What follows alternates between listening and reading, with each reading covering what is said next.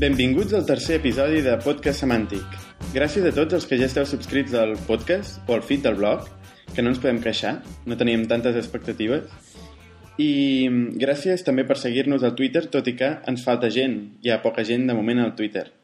Aquesta setmana tenim temes bastant interessants. Hem tingut problemes tècnics, però bé, els hem solventat. I bé, teníem pensat parlar d'aplicacions web. Tenim aquí, com sempre, el Jordi Hola, bon dia. i el Masumi. Hola, què tal? I estem des de cadascú des de casa seva, parlant per Skype. Eh, volíem parlar d'aplicacions web, però sobretot volíem començar parlant de la tecnologia que nosaltres utilitzem habitualment per codificar les nostres aplicacions web, que és Ruby on Rails. Eh, bueno, el primer de, jo crec que el primer de nosaltres que va començar a utilitzar Ruby on Rails és, Jo- és el Jordi, i explica'ns una mica la teva experiència amb Ruby on Rails i què és. Ruby on Rails és un framework per fer aplicacions web. Això significa que és un conjunt de programes i codis i mòduls de Ruby, que és un llenguatge de programació, per fer una aplicació web. Una aplicació web és, és una aplicació normal un programa que viu en un servidor i que un fa servir quan utilitza el navegador. Aleshores, la gràcia de Ruby on Rails respecte a altres tecnologies que en aquella època eren les predominants en aquest tipus de coses com PHP o Java Servlets o similar o ASP és que fa servir el llenguatge de programació Ruby, que és un llenguatge molt modern, molt còmode i amigable de programar-hi, molt potent, molt flexible, amb un codi molt fàcil de llegir, etc. I Rails, que en si és com una mena de patró de com hauria d'estar organitzada una aplicació web amb moltes assumpcions fetes de manera que puguis tenir un programa funcionant des de zero amb molt poc codi. Eh, aviam, és, la gràcia d'això és que parteix de tot unes convencions i unes normes predefinides que si tu segueixes la pauta que en principi està marcada per fer aplicacions Ruby on Rails pots fer un blog o un fòrum o una, una aplicació senzilla amb res, amb mitja hora, una hora, dos dies, depèn del gran que vulguis. No? I aquesta és una de les gràcies. Sí, a mi, a mi respecte a altres tecnologies, per exemple, jo venia del, del món de PHP i una de les coses que, que m'ha impressionat de, de Rails és, és això de Rails Way, que és, sembla com una filosofia, i que per fer qualsevol, qualsevol cosa, qualsevol problema en què et trobes, sempre pots arribar a la Rails Way. Sempre hi ha una manera bona de fer-ho. Si busques, i busques els experts i tal, com ho han fet, sempre hi ha la, la manera bona de fer-ho, no? I això doncs, és la, la filosofia aquesta de convenció per sobre de, de configuració i... Jo el que pregunto és que, per exemple, a la universitat, a la FIP concretament, ens mereixen molt amb el tema de fer el codi que sigui reutilitzable, fàcil de llegir, eh, principi open close, etc. però ens, eh, o sigui, no ens ensenyen res més que Java, això va ser... Bé, ara estan canviant, no? Però només Java i C++. I no ens mencionen pràcticament la resta de llenguatges. I, per exemple, aquest doncs, podria ser bastant interessant en assignatures com eh, de xarxes o...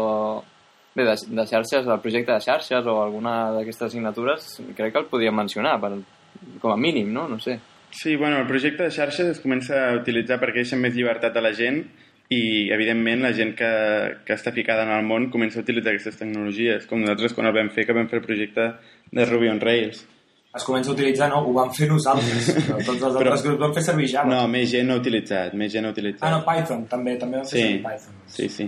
No, i després que el tema és, no és tant un problema de la universitat com un problema de la societat en general. Si tu mires la majoria d'empreses o l'administració pública, etc, totes les tecnologies que utilitzen generalment són .NET o Java. Vull dir, ja, així com als Estats Units està penetrant molt més aquestes noves tecnologies, aquí costa, costa molt més. Aquí costa canviar tendències i inèrcies. La gent és poruga i un cop tenen un expert en Java que fa Exacte. 10 anys que està treballant a l'empresa, doncs mm, se l'han de menjar amb patates fins que es jubili. Només cal veure l'aplicació que van fer per la votació de la Diagonal, no? Sí, sí, ho vam comentar l'altre dia. que era amb Java i, clar, és això, que es podia, amb Ruby on Rails segurament es podia, fet, es podia haver fet alguna cosa una miqueta millor. Sí. I després també, el de Ruby on Rails, una cosa important és la comunitat que hi ha al darrere. Hi ha, quan tens qualsevol problema, busques i hi ha moltíssims bloggers, hi ha moltíssimes pàgines que t'ajuden. Una pàgina que, que val la pena comentar és Railscast, de Ryan Bates, que va penjant videotutorials eh, contínuament i bueno, es va fer una votació, es va fer votació dels temes que interessen als usuaris i com que ja porta bastant de temps s'han tractat molts temes, molts temes interessants. Són vídeos d'uns 10 minuts que tracten un tema en concret aïllat d'una aplicació ell sempre fa servir aplicacions típiques com un blog, un, eh, un carrito de la compra, alguna així, implementa una característica i en 10 minuts, un quart d'hora ho has de fer completament. És, és una de les meves fonts d'informació més grans quan a Ruby on Rails, la veritat. Jo la, la, fa dues setmanes o així va ser la, vaig fer la meva primera aplicació en Ruby on Rails i va ser precisament mirant el famós vídeo del, en què t'ensenyen a fer un blog en 15 minuts on sí, es poden fer comentaris fins i tot. Exacte. Sí, el, el van renovar. El van renovar perquè el vídeo que hi ha ara és una còpia de l'original que va fer el David Hennemer Hanson, que és el creador de Ruby on Rails, que va fer el, el 2004 per presentar Ruby on Rails en una conferència, on deia això, era crear un blog en 15 minuts, amb posts, comentaris, etc. I es va fer molt famós perquè a mesura que ell anava presentant-lo espectacularment fàcil que era, anava fent uns crits de bum, bum, cada vegada que deia comentaris, articles, ara podem esborrar-lo, ara Ajax, i la gent aplaudia i el corejava, com, com acostuma a ser ja un tòpic amb, amb aquest home, i bueno, van reeditar perquè si no la versió era, era molt antiga, la versió de Ruby on Rails que es feia servir i la gent es queixava que ho intentava fer servir en versions més noves i no anava, no? Però, però sí, la veritat és que és un bon exemple de, de Ruby on Rails. Pot ser una aplicació de 0 a completa en molt poca estona. De fet, la nostra pròpia pàgina web Semantic hem estat discutint coses bastant estona, però hores de codi n'hi ha ben poques i fa bastantes coses. Tenim els comentaris amb Ajax, amb un sistema anti-spam que ara el Bernat us explicarà quatre coses d'aquest sistema perquè hi ha hagut problemes. Sí, això és un tema Tenim que hem un, un feed per l'iTunes, pengem els MP3, vull dir, hi ha més coses de les que sembla i l'estona que vam fer servir per molt poca. Sí, la gràcia de Rails és que et permet concentrar-te en, la, en el que hi ha darrere les aplicacions, no? en, la, en el problema conceptual, més que en, la, en codificar-lo, que és molt fàcil i a més és entretingut i divertit. No?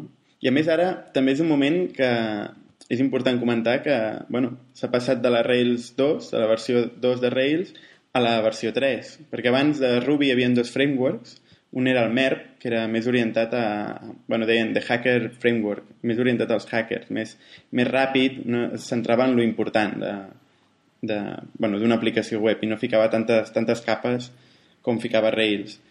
I aquest framework i Ruby on Rails s'han ajuntat i ara han fet una, bueno, una versió 3 que nosaltres ja l'hem ja provat des de fa un temps. De fet, la... De fet, el, la web de Semantic, no?, està feta amb aquesta versió 3. Sí, sí. I, bueno, és molt interessant, té molt bona pinta, té molt bona pinta i, bueno, no sé, Jordi, tu què, què en penses de la... Jo volia explicar una mica la gran crítica que feia la gent de MERP, que eren minoria, però bueno, estaven allà i és gent relativament influent de l'empresa Engine Yard, per exemple, que és una de les més potents de la comunitat Ruby, el que es queixaven de Rails és que una mica et prenien per tonto i prenien moltes decisions per tu que a vegades estaven bé i a vegades deien home, deixa'm triar. Per exemple, el framework JavaScript t'obligaven a fer servir Prototype, que està creada per una persona que treballa a 37 Signals, la mateixa empresa del David Heinemer Hanson, creador de Ruby on Rails. Vull dir que tot quedava a casa. Bueno, el, el David, el David aquest, el Heinemer Hanson aquest, sempre ha negat això, eh? Perquè jo he vist molts posts sempre que diu no, si jQuery pots utilitzar-ho perfectament, sempre ho has pogut utilitzar. És només canviar... Però no és cert. Ja. Tu sabies que no. Està molt integrat. Tu fer servir jQuery, perdies moltes de les gràcies de l'Ajax integrat amb Ruby on Rails i sí. hi havia uns defectes que se li criticava, que si era obstrusiu, que si estaves obligat a fer servir Active Record, que és l'abstracció de la base de dades que fa servir Ruby on Rails, i en canvi MERP mm, et deixava escollir una o una altra, era més ràpid, era més modular, etc. Bueno, en definitiva, Rails 3 és el mateix que Rails 2, molt fàcil de fer servir, moltes assumpcions per defecte, però és facilíssim canviar una peça i posar-ne una altra, és molt més ràpid, és molt més modular, pots desactivar tot el que et fa nos, etc. Vull dir que realment mm, MERP en si jo crec que no era un bon framework, però li ha portat moltíssimes coses a Ruby on Rails i ha fet que la combinació Rails 3 sigui bastant espectacularment millor. O sigui, és un molt bon moment per començar amb Ruby on Rails ara, perquè la documentació antiga es quedarà obsoleta de seguida, perquè hi ha molts canvis, però val la pena aprendre's el nou sistema ja. I sabeu sí. quan serà definitiu, quan deixarà de ser beta? Sí, d'aquí dues setmanes, quan hi hagi la RailsConf de Baltimore, sí. segurament ho presenten allà, anem per la tercera beta ja. I parlant de, de l'origen una mica de, de, de Rails, que abans hem, hem parlat del, del David Hennemer, sí, només sé pronunciar aquest cognom, eh? Hennemer sí, Hansen. Hennemer Hansen. doncs... Ell tampoc ho diu, eh? Fa així de de passada. doncs eh, va començar, el tema de Rails va començar a partir d'una aplicació web, no?, que se li va encarregar a aquest home, si no m'equivoco. Sí. Era el Sí. Basecamp, no?, un programa que hem usat per gestionar Sí. bueno, projectes i grups de projectes d'entorns col·laboratius. és el proper tema, doncs hi havia una empresa que, bueno, hi ha una empresa que es diu 37 Signals, 37 Signals, de Jason Fried, que feien consultoria de disseny web, usabilitat, etc. I un cop havien de contractar un programador i van contractar aquest home per internet, que vivia a Dinamarca, al seu país, fent les seves coses, era un estudiant d'informàtica bastant aplicat, bueno, bastant aplicat, bastant capaç, no sé si aplicat o no. I li van encarregar que fes un petit programet per organitzar-se les seves tasques, reunions, etc. I ell, en comptes de tirar per PHP, com fèiem tots a la mateixa època, va decidir agafar un llenguatge modern com Ruby i fer una cosa des de zero. I resulta que ho va fer tan ordenadament i tan bé que després va treure el tema de les tasques i li va quedar com una aplicació, un esquelet d'aplicació collonut, que va decidir anomenar-ho Ruby on Rails i ho va publicar, llavors a partir d'aquí va deixar que altra gent participés i s'ha convertit en una de les fites de les aplicacions web. Sí, a més el concepte també de negoci, no?, de 37 Signals, que són la- l'empresa que, que ho porta això, que és vendre el, el, els productes com a servei i no com a, com a producte en si amb claus en mà, no? Vull dir, això ara està molt extès, però en aquell moment podien, segurament era un dels pioners, no? Sí, sí, segur. Bé, molta gent ha criticat els 37 Signals perquè no els ha permès instal·lar l'aplicació en els seus servidors per temes de seguretat o de confidencialitat i ells ho han defensat a mort fins i tot amb empreses enormes que els han oferit milionades pel codi fins i tot pel codi mig encriptat, el que fos, però ells no ho han permès. El seu negoci és llogar l'aplicació i mai de la vida la trauran dels seus servidors. És una decisió que van prendre que en el seu moment era molt arriscada perquè tothom s'acaba baixant els pantalons i dient fes, fes, paga'm un parell de milions de dòlars i fes el que vulguis amb el programa. I ells no ho han fet mai i, bueno, hi funciona bé per ara. Sí, sí, porten també la infraestructura, no? També és una de les coses que s'encarreguen ells en quan...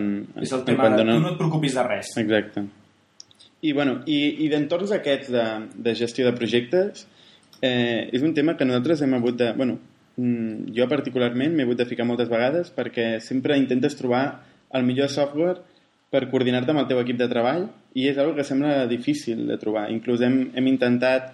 Eh, bueno, hem intentat, no, no, ens hem creat el nostre propi software, també en Ruby on Rails, que jo ara actualment és el que utilitzo, que va començar, de fet, amb un projecte de, de la universitat, de PXC, i que hem anat millorant però els, així a nivell comercial, a part del Basecamp, que ja n'hem parlat, eh, coneixeu més, més entorns d'aquests de, de projectes? Masumi, per exemple?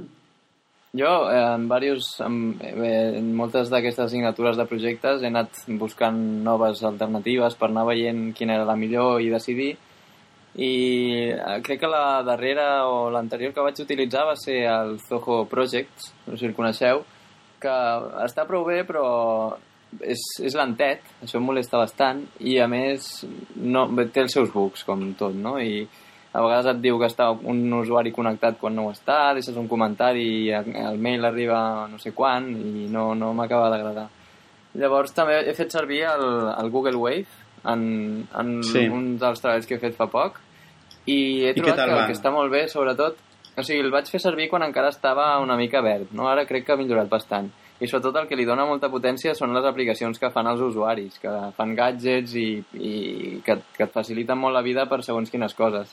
I en aquell moment no hi havia gaire cosa, però tot i així, el que està molt bé és el, el poder veure el, el, el poder veure la, el que està fent l'altre en aquell moment, o sigui, que tu veus lletra a lletra el que va escrivint i saps exactament què està fent, què està pensant, fins i tot pots conversar dins del treball i està, està molt bé, em va anar molt bé fer-lo amb el Google Wave, la veritat. I jo crec que la tendència que estan portant aquests programes és centrar-se en, la, en la comunicació. Cada vegada és més important que sigui, o sigui, que la comunicació entre els membres de, de l'equip de treball pugui ser fluida. De fet, un programa que hem, que hem conegut últimament, que és Teambox, que el Jordi en, en podrà parlar millor, però és això, o sigui, la, la, la, revolució que- d'aquest programa, bueno, no sé si és revolució, però la innovació que porta aquest programa és que es converteix un programa d'entorns col·laboratius com si fos un Twitter, no, Jordi? Sí, és, és molt curiós. Es veu que ja porta un any i pico de rodatge, un parell d'anys. Jo no n'havia sentit mai parlar, em vaig sentir parlar, vaig veure que era open source, era una gestió de projectes amb tasques, converses, pujada de fitxers, etc, el, el típic, però estava molt orientat a, la comunicació una mica, no en temps real, com si fos un chat, que ara en parlarem perquè és el que pretenen implementar després, però gairebé.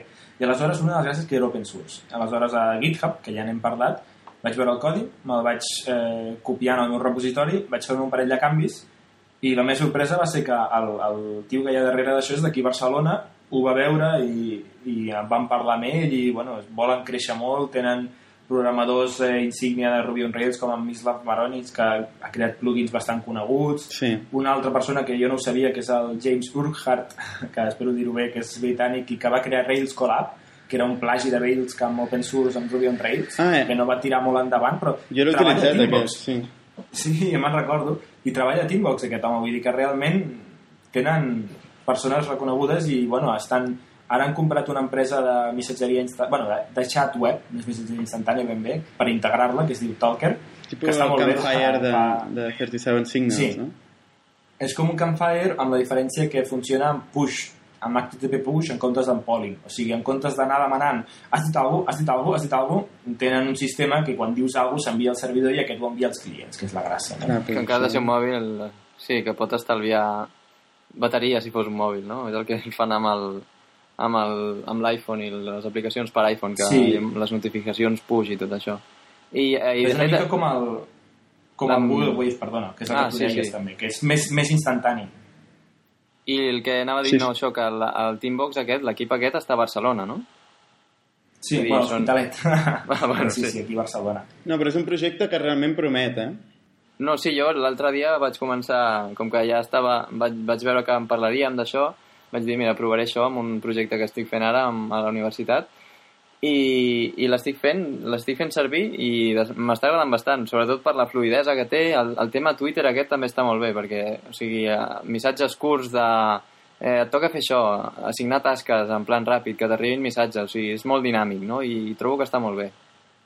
Sí. I després així, a nivell de software, també valdria la pena comentar Active Collab, que és un altre, un altre clon segurament de Basecamp, en PHP, però que ha crescut molt i que actualment s'està utilitzant bastant. Jo veig bastanta publicitat per internet i jo l'he utilitzat bastantes vegades i m'agrada molt com funciona. No, ara no l'utilitzo, però m'agrada molt com funciona. Vosaltres l'heu utilitzat, algú? Jo vaig utilitzar també amb, amb tu, de fet, fa, fa un temps, Sí. i no em va acabar de convèncer la usabilitat que tenia. Vull dir, aquestes coses o me les poses fàcils o les deixo de fer. Quan Ja. em fa mandra afegir tasques, anem apanyats. I em feia mandra afegir tasques. I vaig, per això vaig deixar-lo de fer servir. Sí, aquest és un tema molt important. Quan de vegades hi ha aplicacions que et diu nova tasca, o no, per exemple, en les aplicacions d'agendes i coses així, nova, nova cita, què és? Un aniversari, un sopar, un dinar, un no sé què, un no sé quants, acaba fent pal. Sí, sí.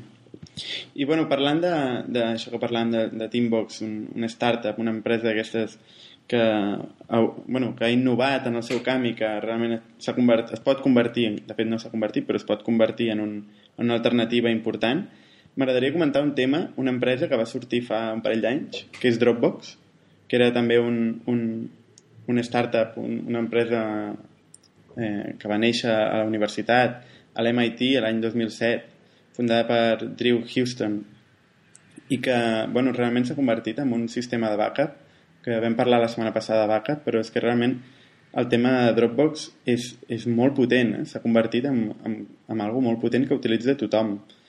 No sé si, cone si coneixen uh, l'audiència Dropbox, però és un programa que te l'instal·les en el teu PC o en el teu Mac, o no sé si hi ha versió per Linux, ara no me'n recordo. Sí, sí, hi ha versió per Linux, sí, sí, n'hi ha. També hi ha versió per Linux. N'hi ha, n'hi I ha. per, i, Sí. i per iPhone. I per iPhone i per tot, no? Llavors tu tens una carpeta allà que te la sincronitza amb el núvol, o sigui, amb internet. I qualsevol cosa que fiquis doncs se't va automàticament guardant allà. I després, des de qualsevol altre ordinador o des de qualsevol altre lloc públic, tu pots accedir als teus arxius que tens en aquella carpeta. O sigui, oblidant-te completament de la sincronització, de, de salvar còpia de seguretat, de res, tu tot el que fiquis allà està disponible a internet en la teva carpeta, evidentment, de forma segura, identificant-te, etc. Però clar, això és una, una gran avantatge.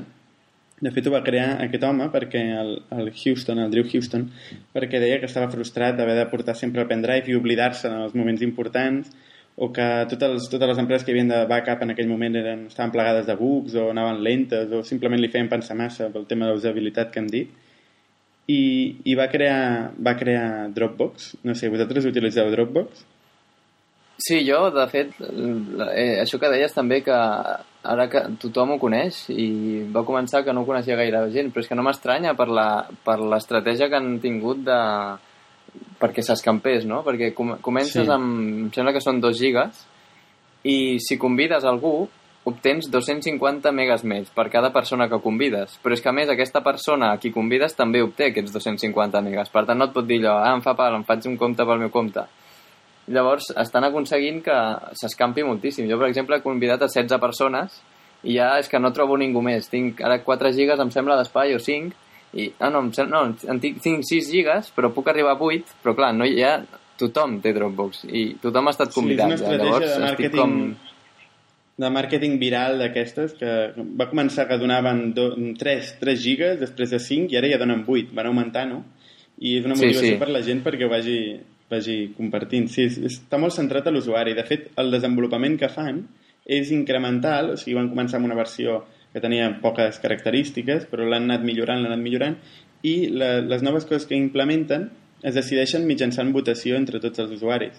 Pots accedir al Dropbox Votebox i allà votar quina és la, la cosa que et faria il·lusió. I de fet l'última cosa que han afegit és sincronitzar una altra carpeta que no sigui la carpeta de Dropbox de l'ordinador i te la sincronitza també en el teu espai de Dropbox. No? Cosa que és molt interessant, jo feia temps que ho estava pensant, que em podia, em podia ser molt útil. I hi ha una cosa molt curiosa de... No, que, que des, que ja, des que faig servir el Dropbox amb els amics i tal, que em passa molt sovint, que és que la, la gent no, no té el concepte aquest que aquesta carpeta és compartida amb tothom, no? Llavors, tu comparteixes les fotos d'un viatge, d'un esdeveniment, i les agafen i les arrosseguen a la seva carpeta de fotos de l'ordinador, amb la qual cosa tothom es queda sense aquelles fotos i has d'anar a la pàgina web, que per sort tenen això ben muntat, i pots anar a la història i fer un tornar enrere, no?, diguéssim, i recuperar-les.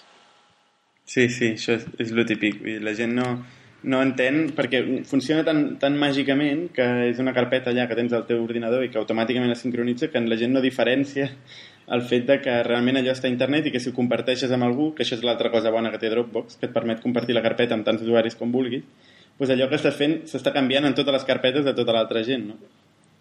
I, ah, A mi un... em sorprèn una cosa molt Sí. de Dropbox, és que conec gent molt negada amb els ordinadors, però molt, d'aquests que no saben ni apagar-lo, i que en canvi fan servir Dropbox amb tota la naturalitat del món. Vull dir, és un concepte que no han hagut d'aprendre. Ja ve una carpeta, tenen les coses allà, i quan arriben a casa ja hi són. Sí. Ho troben el més normal del món, quan nosaltres ens sorprèn perquè és una cosa màgica, que puguis enviar, rebre, se sincronitzi, no gasti CPU, no tinguis l'ample de banda rebentat, és, és bastant màgic. En canvi la gent ho dona per suposat i això és que ho han fet bé, realment. Sí, sí.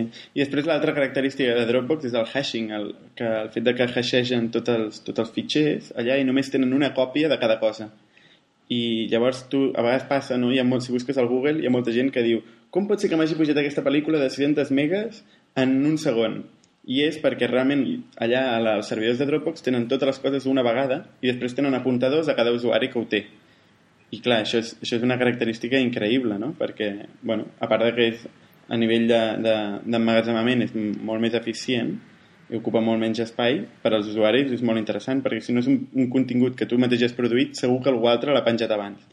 I compartir així Sí, això està molt ben és pensat. Una, és molt senzill, no? El problema és que és una mica car, Jo- Dropbox. No? Bueno, no sé. Jo no estic d'acord, perquè si és una versió... És que tu penses com a còpia de seguretat. I còpia seguretat és una cosa que pots fer, però com a compartir dades i com a substitut del pendrive, 2 gigas fins a 8 gratuïts, ho trobo espectacularment... Bueno, és un xollo. No, en aquest sentit està molt bé. Empresa, Sí. Doncs, Però, però és que val 10 dòlars al mes 50 gigas. I de 8 a 50 tampoc hi ha tanta diferència, en canvi el preu és considerable. Però 10 dòlars jo crec que són molt pocs diners per un servei que t'és útil al mes. Vull dir, és el típic, són 3 tallats al mes, no? Doncs 3 tallats amb tenir un pendrive de 50 gigas sincronitzat a tot el món i si és per una empresa un cost de 10 o 20 dòlars és ridícul. Sí, no, està clar que per fitxers importants, eh, codi i tal, documents està bé, però si vols fotos i vídeos ja comença a ser un problema. Perquè a més el, el pla més gran que, que t'ofereixen és de 100 gigas, que tampoc... Sí, això m'agradaria que n'hi hagués un de 500 gigas o d'un terabyte, que dius, ja no els hi ve d'aquí, no? Si fan servir Amazon S3 tenen capacitat infinita.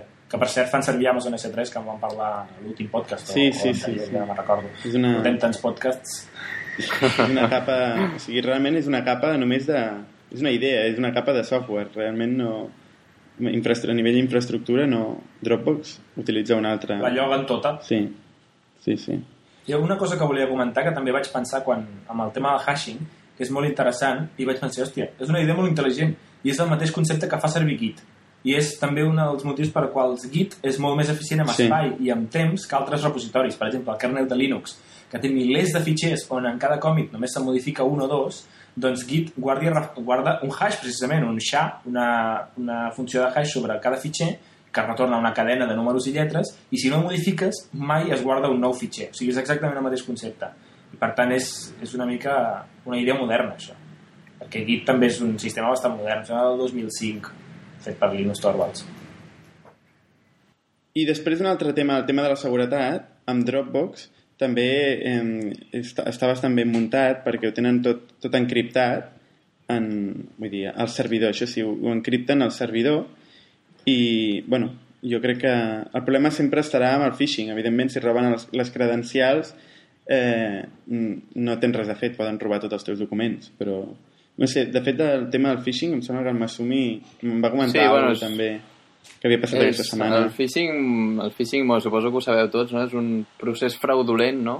que tenen els criminals cibernètics, quantes paraules, per obtenir dades privades mitjançant l'enginyeria social, no? I, o sigui, de robar contrasenyes, fins i tot hi ha màfies que contracten a hackers perquè els hi robin contrasenyes i tal, i després vendre les empreses que fan spam, etc. I fa poc em va fer gràcia veure un nou sistema que es podria fer servir per fer phishing, que per sort, la, diguéssim, entre cometes, descobert un desenvolupador de Firefox que es diu TabNabbing i consisteix en, bueno, en tenir la idea que actualment tothom navega amb, amb mil tabs oberts, bé, mil no, però cinc tabs, té el Gmail, el Facebook, el, que si el Flickr, les notícies, tots aquests tabs, i eh, eh, tu arribes en aquella pàgina fra- fraudulenta o fins i tot bona però que tenia eh, una, una vulnera- vulnerabilitat que permetia injectar- injectar-hi codi i estàs mirant aquella pàgina, canvies de tab, jo que sé, per exemple, per anar a mirar el Facebook, i mentre estàs mirant el Facebook, aquell tab d'on acabes de sortir canvia el seu aspecte interiorment i, per exemple, hi tornes i veus el Gmail. I clar, normalment tens el Gmail obert. I, el, i si veus allà un login del Gmail, l'usuari el primer que farà serà ficar el nom d'usuari i el password, perquè és com una inèrcia no?, que tenen els usuaris quan veuen dos camps buits i un botonet per enviar. Sí, això I és llavors, una cosa que, eh, molt, molt curiosa. Sí. Sí, sí, sí. I llavors, clar, el, aquella contrasenya, aquell nom d'usuari, doncs han anat a parar, vés a saber on. I aquest és aquest nou sistema que, Sí, sí. bueno, que han trobat fa poc i, i que no, és, és, és molt fàcil, en realitat, i, i és molt perillós. És una idea molt tonta, molt tonta, però jo crec que és eficient, perquè és diferent a l'altre concepte on t'han d'obligar a entrar a una URL dolenta. Tu estàs entrant a una pàgina normal, amb el seu contingut, que és el que diu que és, i quan et despistes, tornes i ja no hi és allò, tu no hi penses, tots tenim 15 pestanyes obertes, i dius, hòstia, el Gmail.